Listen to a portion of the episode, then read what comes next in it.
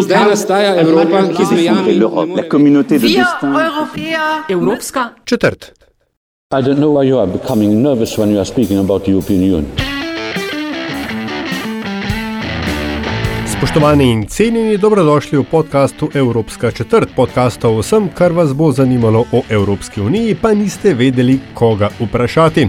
Evropsko četrt vodiva Aljaš Megalopitenc, glavni hišnik na Radio Chaos in Nataša Briški, urednica na Metini listi. Podcast domuje prav na tej spletni postaji metinalista.si, v vašem nabiralniku pa sveža epizoda takoj, ko je spečena in pripravljena za konzumacijo.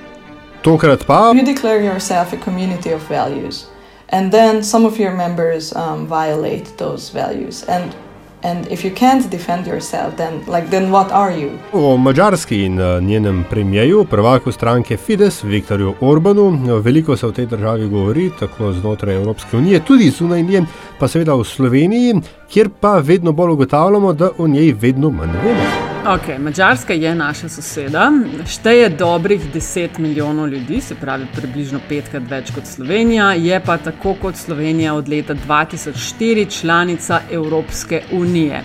Zdaj pa kaj se tam dogaja, da je država, se mi zdi, aljaš non-stop v soju EU žarometov.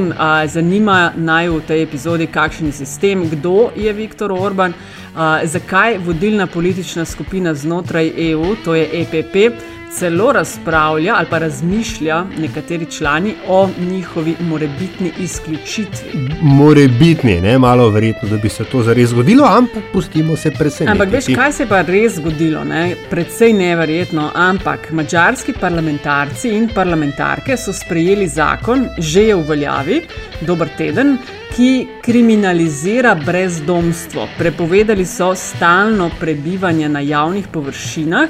Brezdomcem, ki pa recimo ne bi želeli v zavetišča, ki so sicer prepolna, pa grozi zapor ali prisilno delo. Ja, to zadnje je zelo popularno. Ne? Tudi pred leti so problem prevelike nezaposlenosti reševali z prisilnim delom in potem plačevanjem za manj kot eh, minimalno plačo. Skratka, polno trikov imajo v rokavu eh, Viktor Orban in njegovi ljudje, ki so na oblasti že od leta 2010, ampak marsikdo ne ve, da je vladal tudi že prej. Ne tako, da rečemo, uspešno, medijev, recimo, za razliko od danes, takrat ni imel pod kontrolo. When they came into power in 2010, they decided that uh, that they need to build up their their own media empire, and um, it started with laws. Um, Fidesz actually passed, I think, in the first four years, um, there was this legislative overhaul, and Fidesz passed, I think. 800 laws, pieces of legislation in the first four years, which is massive. Žejke Caki je raziskovalka v organizaciji Freedom House, kjer raziskujejo vprašanje človekovih pravic, demokracij in ona še posebej spremlja stanje v Srednji Evropi, kjer analizira tudi vprašanja medijske svobode. Uh, politični sistem na mačarskem je parlamentarna demokracija, ne tako kot v Sloveniji. That's actually a quite difficult question, strangely. I mean, yes, Hungary is a parliament. On paper, a parliamentary democracy. Um, Fidesz is in a coalition government on paper with the smaller Christian democratic parties um, called the. And um, they have been governing together since 2010. And as I said before, uh, uh, in between 1998 and 2002, Fidesz was already in power. And, and Hungary's political field is also very polarized, or has been. Uh, uh, I am not sure that you can say that anymore. Uh, but up until the past few years, it has been very um, polarized, very much divided between the left and the right. Um, obviously, left and right, that's, you know, in a Central European understanding, so not uh, clear cut left and right differences uh, as, as you would imagine. The thing is, by now, um, the political field has become so centralized that it is difficult to say it, is difficult to, to define this system. Orban has been quite pragmatic. On the ideological level, it is certainly, you know, what you would define as right. Um, some might say far right, uh, because with some of the ideological um, characteristics, it's it's it's more far right. Um, it's more nationalist uh, certainly, than most European parties. Uh, when it comes to the economy, it's a mix between um, left and right. Na zadnje so imeli parlamentarne volitve aprila letos, te pa so se končale tako, da ima Orbanova vlada v parlamentu dve tretjinsko večino. Je pa opozicija majhna in precej razdeljena, pravi Žejka Saki. Po finančni krizi in porazu 2010 si niso opomogli. Žejka pa zdaj meni, da so vmes tudi sistem tako nastavili, Fidesz, da ima opozicija leve stranke malo zvezane roke. Ne? Politično sceno popolnoma dominira Fidesz in v rokah imajo, kot so že rekla, tudi medije. Public media is completely under Fidesz's control and a significant percentage of the private media as well. Uh, it is it is very difficult for them to really um, Da bo jasno, niso toliko partijski ljudje v vodstvenih strukturah samih medijev, kolikor ti ljudje kontrolirajo gospodarstvenike, ki potem financirajo točno določene medije ali pa jih ne. In these countries, um, you often talk about state capture. That is when economic interests capture the state. But weirdly, in Hungary, you can talk about this reverse kind of state capture when it is the governing party that has set up its own oligarchs, and, and those in turn are allowed to capture the state. Um, so it's, it's really um, oligarchs and loyalists uh, um, controlled by the government or, or loyal, very much loyal to the government, um, that own most of these media outlets or that have taken over most of these media outlets. Za Orbanova je težko reči, ali so levi, desni ali umestni, brez dvoma uživajo konkretno podporo med ljudmi. Dve tretjinska večina v parlamentu pa sicer ne pomeni, da jih podpirata dve tretjini Mačarov in Mačark. No, Orban oziroma bolje rečeno, verjetno njegovi janičari, kontrolirajo medije, zaradi česar opozicija, pravi najna sogovornica, ne najde poti ven. Sistemu učitajo legalizirano korupcijo, saj ga je aktualna oblast številnimi zakoni uspela spremeniti v svojo korist. Te spremembe pa so takšne, da se je končno zganila tudi Evropska unija in je Mačarsko upozorila, oziroma vsaj začela je postopke po tako imenovanem sedmem členu pogodbe o Evropski uniji. Začetek pa predstavlja eh, poročilo poslanke s Argentini, ki mačarski očita utišanje medijev, napadanje nevladnih organizacij ter neodvisnosti sodstva. Fidesz, similar to what's happening in Poland right now, lowered the um, age of um, the retirement age for judges. And uh, when they did that, obviously many of those judges were forcibly retired. Um, and after that, a sort of, again, wrangling ensued with European institutions. Uh, and eventually, um, at the end of a long infringement procedure and so on and so forth, um, the EU said that, you know, this was not legal. Um, you have to reinstate these judges. Uh, because you cannot just suddenly say that the retirement age is much lower and so these people are, are no longer active judges. But by the time that happened, um, Fidesz cleverly um, offered compensation to most of the judges. So they said that, you know, here's your post. You can, again, um, uh, take, it, uh, take it up, or you can get this large sum of money. Um, and then some of, the, some of their positions had been uh, taken over by, by younger people, by, by Fidesz's own loyalists.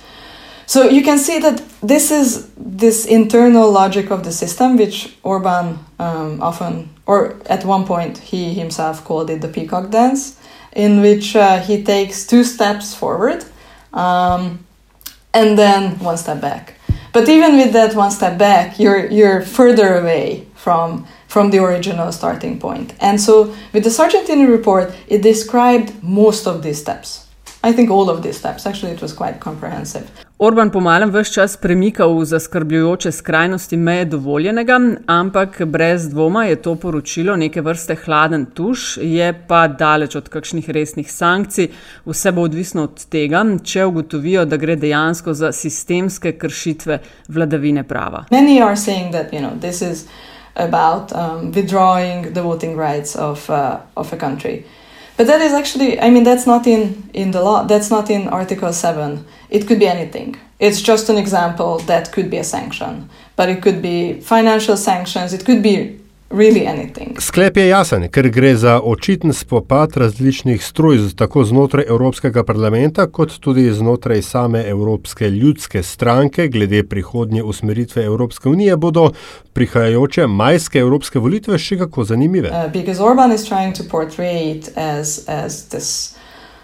existential fight between those countries that um, support migration and those countries that uh, that oppose migration and and and also that there is this fight between those countries who want a European Union based on nation states and uh, and those who want a more closer cooperation. And he's not necessarily wrong in the second thing. Zanimalo naj je tudi, ali se zdi, da Orbana to opozorilo zares kaj skrbi. He does not seem worried um, at all. And um, it was interesting to see because before the vo- before the um, before the vote in, in the European Parliament, um, Orban's um, sister party, so the party in the EPP, uh, the in the um, European Parliament, the EPP group, which is the party grouping um, that unites all of these right wing conservative parties, they called on Orban to, you know, to give some concessions to take a step back on on C, on Lex CEU and on the NGO laws. Um, so so the ones that I, I mentioned specifically as as these new type of laws, um, and Orban somewhat maybe uncharacteristically he did not um, take a step back this time, uh, and instead he decided to like launch forward and declare a kind of war, and um, and that just shows that either he he perceived the perceives the current situation wrongly that he he thought that you know this is still the same game where i can take these two steps forward. And eventually um, because epp needs me they will then say fine okay you can stay inside the party grouping because we need you for the elections. Just keep quiet a little bit. As for the people it's um, it's interesting because there has been so much discussion about um, Article 7 and about uh, what the European Union can do that I think by the time this this step was taken, um, it was really not uh, not something that uh, that would be perceived as, as as something significant. So by the time this happened, people, you know, they they welcomed it in a they were resigned. They said that, well, okay, finally this happened, but we've been waiting for this for such a long time. Na oblasti je že 8 let in po novi aprilski konkretni zmagi na parlamentarnih volitvah nič kaj ne kaže, da bi se to kaj kmalo spremenilo. Večini je to kar v redu. You know, economically the past several years has been a success. Um, their lives are, are better than than than the, than it was several years ago. Um, so they feel, you know, just fine. Je primer Mačarske in ta boj zdaj nekaj mogoče ali až na čemer se lomi prihodnost Evrope? Poglej, kaj pravi Žejka. I would agree with that and I think that is why it's important that, that Article 7 was launched. Because essentially for the EU, everyone is looking at it from Orban's perspective, and I think that's to some extent is wrong because essentially for the EU, it uh, it was a necessity to launch these procedures. Like you you declare yourself a community of values, and then some of your members um, violate those values, and and if you can't defend yourself, then like then what are you? So I think for for the European Union, it was a very important step to take, um, even if the um, even if the practical uh, consequences are, are hard to see at this point, frankly. Um, and I think um, there is talk about other steps that could be taken uh, when it comes to Hungary and Poland, and that is obviously to to hit them with the checkbook, um, which means to link uh, funding, European Union funding, to rule of law criteria. And I think that can certainly be a step that can have an influence on, on these governments. To je bila Žejka Caki, raziskovalka na Freedom House. Upava, da vsi skupaj zdaj vsaj malo več vemo o tem, kaj in kako se dogaja na Mačarskem. Razplet pa pričakujemo z zanimanjem. Sicer smo pa z njo uh, ali aš klepetali na dolgo in široko, še bolj globje smo šli, kar se tiče Mačarske, in zato uh, bova kmalo objavila tudi posebno epizodo Metinega čaja. Žejka namreč spremlja zelo natančno tudi medijsko situacijo v centralni Evropi in uh, jo je bilo zelo zanimivo poslušati.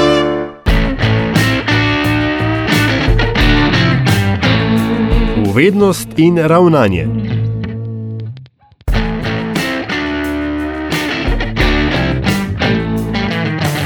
Še dve novički v tokratni epizodi Evropske četrti. CEU, Srednja Evropska univerza, ugledna visokošolska ustanova, ki jo je v Budimpešti leta 1991 ustanovil George Soros, je sporočila, da bo študijski program preselila na Dunaj, če Orbanova vlada do 1. decembra ne bo dala trdnih zagotovil o spoštovanju akademske svobode. Prav kršenje slednje in šikaniranje CEU skozi spremembe visokošolske zakonodaje je eden ključnih očitkov mačarske vladi v postopku po 7. členu pogodbe Evropske unije. Najnovejše dogajanje pa položaj še dodatno zapleta. Dodajmo tudi, da poleg Evropske unije na Mačarsko posebej zaradi usode Srednje Evropske univerze pritiskajo tudi ZDA. No, druga novica, Ljaš, pa je precej povezana s prejšnjo epizodo, v kateri sva govorila o tem, da je Slovenija digitalno sicer država, ki napreduje, a je pod EU povprečjem. No, Evropska komisija, to pa je novica, je pred dnevi predstavila novo orodje, s katerim bodo vse šole v Evropski uniji, ter v Rusiji, Gruziji in Srbiji lažje ocenile, kakšen je njihov digitalni potencial. Selfie se reče temu orodju, brezplačno in menda preprosto za uporabo šolam pa pomaga oceniti njihovo stanje glede učenja v digitalni dobi. Na začetku bo na voljo v 24 jezikih EU, sledilo pa bo še več jezikovnih različic, vse zainteresirane šole in upoštev pridejo višji razredi osnovne šole, srednje in poklicne šole, se lahko prijavijo na platformi Selfie in začnejo samo ocenjevanjem. Bova dodala, na epizodi na spletni strani vse relevantne povezave. To je bila Evropska četrt. Hvala za pozornost. Predlogi, mnenja, pohvale in kritike so dobrodošli na infoafna.metinalista.si. Na družbenih omrežjih pa je uradni ključnik hashtag Evropska četrt. In avtor glasbene podlage peli iz Afna Hishen Band. Na tem naslovu jih najdete na Twitterju. Če vam je vsebina všeč, bo pomagalo, da nas najde še kdo, če naj ocenite pri vašem izbranem podkastu ponudniku. Hvala vnaprej tudi za vašo družbo in se slišimo k malu spet.